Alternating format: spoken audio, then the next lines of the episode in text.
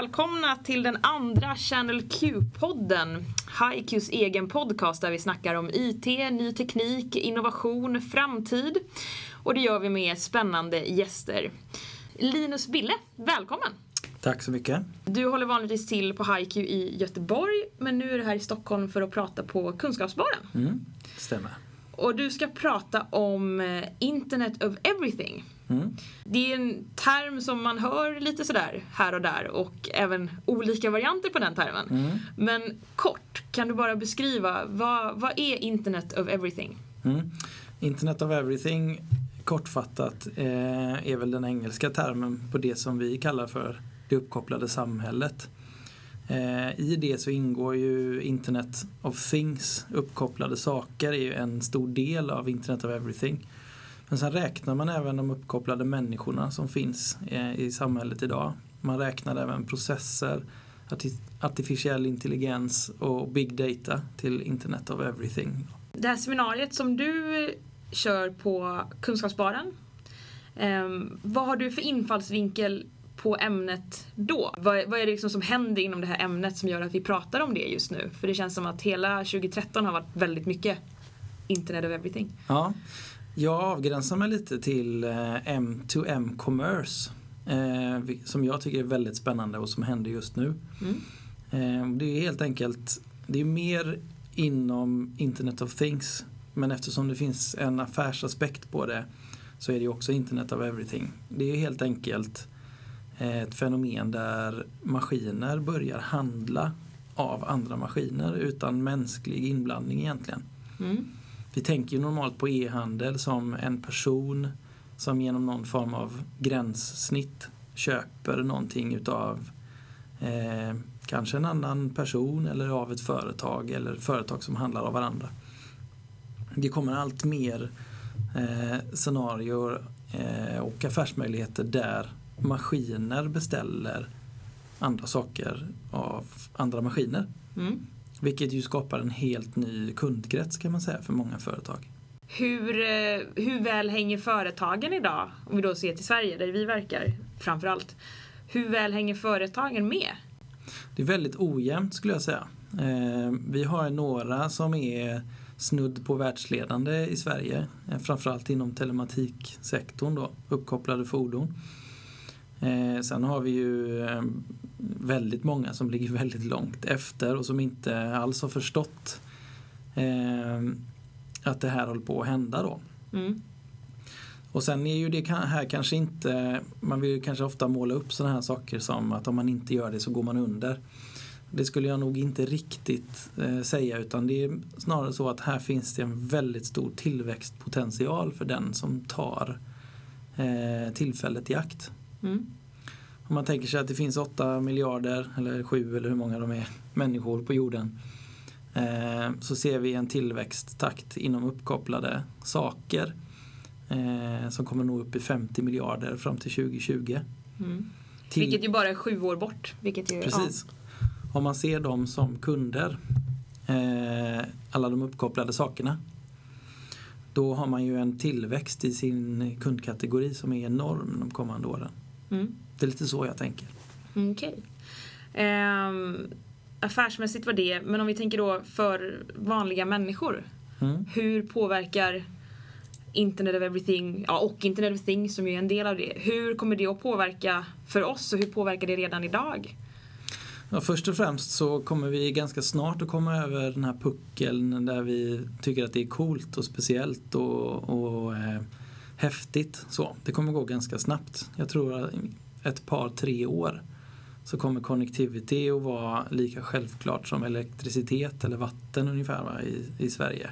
Mm.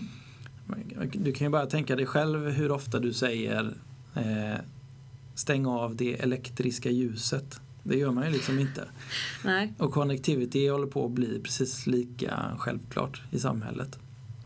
Så det är väl en första reflektion eh, som man ska göra. Att eh, det kommer inte, tror jag, att dyka upp något eh, sånt här matrix liksom gränssnitt i världen som gör allting nytt på något sätt. Utan det integreras snarare i våran vardag. Mm. Men sen kommer det att förenkla väldigt mycket. Eh, framförallt inom eh, när det handlar om saker som har med förbrukningsartiklar att göra. Mhm. Så dammsugare som beställer nya dammsugarpåsar själva. Mm. Eh, din espressomaskin som du säkert har en sån här app till för att beställa kapslar. Den fixar det själv för den vet vilket kaffe du gillar. Och om man tar det tänket vidare till kylskåpet eh, så börjar det redan nu komma kylskåp som själv beställer mjölken när den börjar ta slut och lägger i det i nästa hemleverans av mat automatiskt. Och, så det, det kommer att många saker som vi gör idag i vår vardag Mm. som man kan automatisera kommer att automatiseras med hjälp av connectivity. Det tror jag eh, det är den största skillnaden för gemene man Mm. de kommande sådär 7-10 åren. Kan man se några nackdelar eller orosmoment sådär? Nu är ju jag själv en person, ja men jag älskar ny teknik, jag älskar allt som gör det enklare liksom. Och man, man är så van så att man tycker att ja, men det som inte går att göra i mobilen, det är inte värt att göra nästan. Alltså man är ju väldigt van vid det. Men samtidigt så kan man ibland tänka att ja, men, om något skulle krascha eller vad som helst. Och vi, vissa oroar sig ju mer än andra för det här. Ja, men allt är uppkopplat, alla har koll på exakt vad jag gör och, och de grejerna. Så vad är, finns det några nackdelar med den här utvecklingen? Eller något man oroar sig för att saker ska hamna i orätta händer och sånt? Ja, personligen så tror jag ju inte att internets krasch är en, en jättestor risk och inte det som är någonting som man behöver oroa sig sådär jättemycket över. Eh, jag tror däremot att integritetsfrågan är den stora knäckfrågan.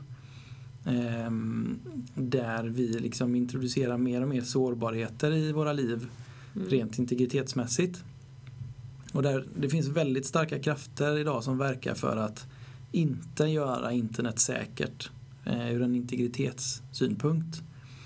Eh, framförallt amerikanska myndigheter som tvingar in svagheter i eh, krypteringsteknologi och, och säkerhetssystem och sådär. Mm. Eh, som jag faktiskt har personlig erfarenhet av. Eh, Oj. Mm, Ja.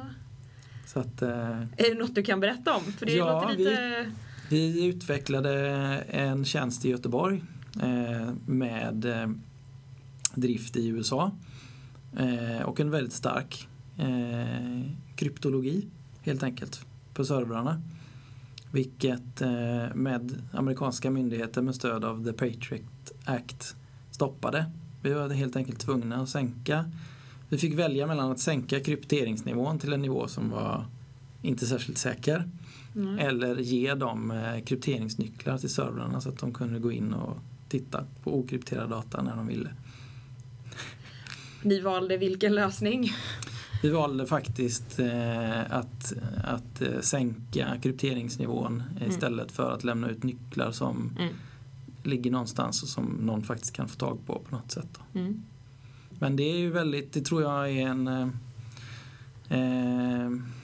det där är en, liksom en knäckfråga för hela samhällsutvecklingen. Mm. Att det, Har det att göra med att det går olika snabbt med den här utvecklingen?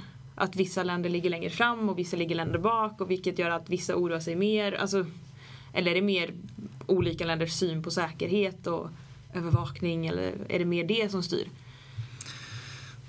Jag tror att det, eh, man ser från, från eh, vissa myndigheters håll att det sker en sån samhällsutveckling där hela vårt sätt att kommunicera byts ut mot någonting som har gällt i några hundra eller tusen år till ett helt, till ett helt annat system.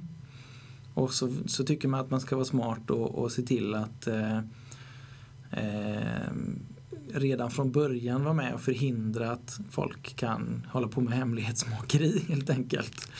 Vilket ju inte var så svårt när eh, post eh, gick i, i kuvert och, liksom, eh, och så vidare. Då.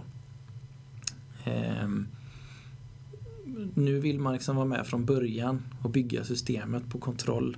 Mm. Vilket är fel både moraliskt och rent ja, på alla sätt och vis egentligen. Mm. Men det är ett stort problem för, för samhällsutvecklingen tycker jag. Mm. Hmm. Sen har ju inte det någonting att göra med upphovsrätt och sådana saker. Det får man ju liksom inte blanda ihop tycker jag. Ja, Det känns som att det finns Ja, det känns som att det skulle...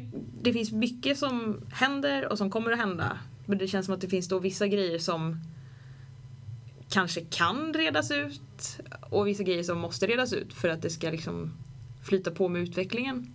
Om jag tolkar det rätt. Ja, det tror jag. Jag tror att eh, den här utvecklingen kommer vara en stormig eh, resa Mm. på många sätt. Och eh, inte en utveckling utan det är ju liksom många, många, många parallella olika utvecklings eh, skeden som sker samtidigt egentligen. Mm. Och det, där är ju både svagheten och styrkan Mm. på en och samma gång så att säga. För det känns ju det, Internet of everything, eller alltings uppkoppling. Det är inget som går att stoppa, det är ingenting som går att bromsa eller... Nej, det är väl lite det som är med dagens utveckling att när det väl har kommit igång så då är det lite så här försöka forma det på bästa sätt under vägen. Ja. För det, det är inget som går att stänga av. Nej, och det finns inget syfte med det heller. Ehm, Jag tycker att det, den stora problematiken kommer när man som privatperson inte kan välja längre. Mm. Ehm, nu, jag menar diskussionerna nu pratas ju mycket om att ja, ja, man blir spionerad på, på Facebook och man blir spionerad på, på Google etc. Och det går fortfarande att välja att, att inte ha en Gmail och att inte vara med på Facebook. Men vi är farligt nära ett läge i samhället där Internet of everything är en, blir liksom en grundprincip för hur mång, väldigt många saker fungerar. Mm. Och då kan man inte lika enkelt välja att avstå från att bli exponerad eh, med sina personuppgifter längre. Bara en sån sak som nummerplåtsscanning eh, utav bilar som eh, dyker upp mer och mer och mer och som ju då är uppkopplade uppgifter. Mm. Kanske dåligt krypterade för att det finns krav från myndighetshåll att eh, man ska kunna gå in och spionera. De uppgifterna kan man ju använda på en massa olika bedrägliga sätt då, Mm. som ett exempel. Nu gick vi ganska djupt in där på säkerhetsaspekten men Mm. eh, ja, det är väldigt intressant. Men överlag så kan vi ändå säga att Internet of everything och Internet of things ändå Ja, det skapar affärsmöjligheter, det kommer att förenkla, det förenklar redan idag för människor. Absolut, och det är klart att det görs en massa grejer som är helt onödiga och Mm. inte till gagn för någon Mm. utan mest coola bara. Men samtidigt så utvecklas det ju saker som, som räddar liv och som Mm. eh, förenklar i vardagen för folk eh, oerhört mycket. Så att eh, det är ju den stora vinsten. Absolut. Tänkte vi ska nämna lite, du ska ju då prata på, på Kunskapsbaren och har Mm. pratat på Kunskapsbaren i Göteborg också. Ja, på, på samma ämne. Eh, och Kunskapsbaren är ju Haikus kundevent kan man säga. Eh, Där vi bjuder in till en helkväll med seminarier och det är livemusik och en bra fest. Mm. Eh, jag har kört i våras i några av våra orter och nu var det Göteborg mm. nyligen. Det är Stockholm och Linköping som ligger i pipeline också. Och det här samlar ju över tusen pers i de, ja, just i storstadsregionerna. Det är lite så här, hör ju till de stora IT-eventen i Sverige. Absolut. man verkligen säga. Jag tror att i Göteborg är det det i särklass största branscheventet varje år. Vad, eh, vad tycker du är det bästa med, med kunskapsbarerna? Du som ändå har varit med några gånger, både som åhörare och som talare själv. Jag tycker först och främst eh, så är det ju väldigt roligt att HiQ är den eh, gemensamma faktorn för egentligen alla människor som är där. Sen tycker jag att det roliga är att vi, vi bjuder in till ett sånt event eh, alla våra kunder eh, och låter dem utbyta erfarenheter av varandra av att jobba med HiQ som partner. Mm. Vilket ju jag tror många företag tycker låter rätt skrämmande. Eh, och det dyker ju även upp liksom massvis med konkurrenter och eh, folk som jobbar på andra företag eh, och sådär. Så att det är den här mötesplatsen som blir eh, efter att man har hållit, hållit seminarier och hela den biten. Den tycker jag är väldigt spännande och den tycker jag att varje år som jag har varit med så har man sett korsbefruktningar mellan eh, våra kunder och, och idéer som vi gör på ett ställe som eh, blir jätteintressanta för en kund som kommer någon annanstans ifrån dem. Så att det där mötet tror jag är en, eh, det är en tillväxtfaktor för många bolag som, eh, som liksom verkligen bryr sig om att gå dit och bjuda på sig själva. Jag tycker det får bli, det får bli dagens slutord. För vi pratar ofta om att mötet är det viktigaste, mötet är nummer ett. Mm, Och det är Kunskapssparen ett bra, ett bra exempel på. absolut. Ja, jag tror vi stoppar där för idag. Ja, Tack så mycket Linus. tack själv Jag känner att jag komma. i alla fall blev eh, klokare vad gäller Internet of Everything. Tack så mycket till dig och hej hej till alla lyssnare för den här gången. Och Channel Q-podden är snart tillbaka. Det ska pratas bland annat musik och annat här under hösten. Så vi, vi hörs igen. Ha det bra, hej då! Ciao!